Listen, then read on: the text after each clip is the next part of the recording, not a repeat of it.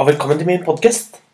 Mitt navn er Ola, og jeg, jeg har en podkast hvor jeg forteller eventyr til deg og til alle andre, nemlig denne her. Og noen eventyr Visste du at noen eventyr, de er faktisk like gamle som eh, som mange land? Mye eldre, til og med. Noen av dem er enda eldre enn enn eh, flere hundre år gamle. De er blitt fortalt gjennom tiden. Og i dag I dag har jeg lyst til å fortelle et dyreeventyr. Et eventyr om et dyr.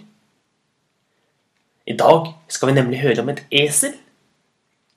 Og ev eventyret skal fortelle i dag, det er en fabel som heter Det lekende eselet.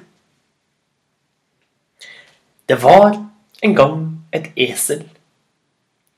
Det Det bestemte seg en dag for å klatre opp på taket og danse rundt der.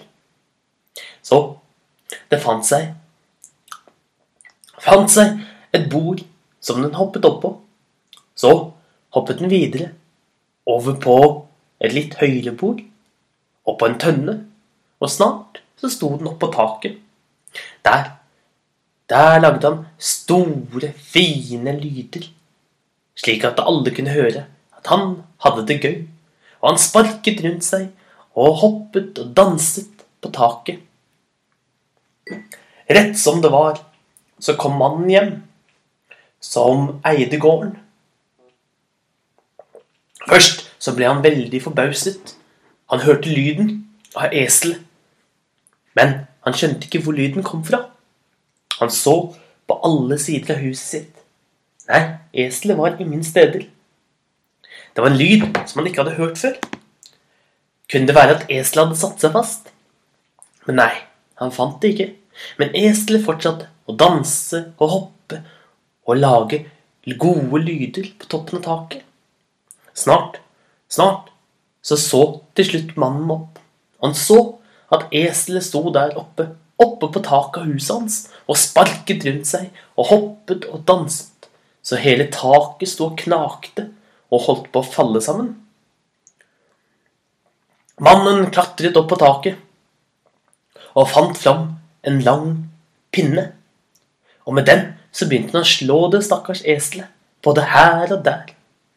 Og eselet, eselet klynket og hoppet fra side til side. Snart så hoppet det ned fra taket, og så på mannen med sine bebreidende øyne. Men, men hvorfor, hvorfor slår du meg? lurte eselet. Jeg så i går at en ape danset akkurat samme dansen på toppen av taket. Men da, da satt mannen bare og lo og lo og syntes det var en riktig morsom dans. Men når jeg danser, da, da ender jeg opp med å bli slått, både gul og blå.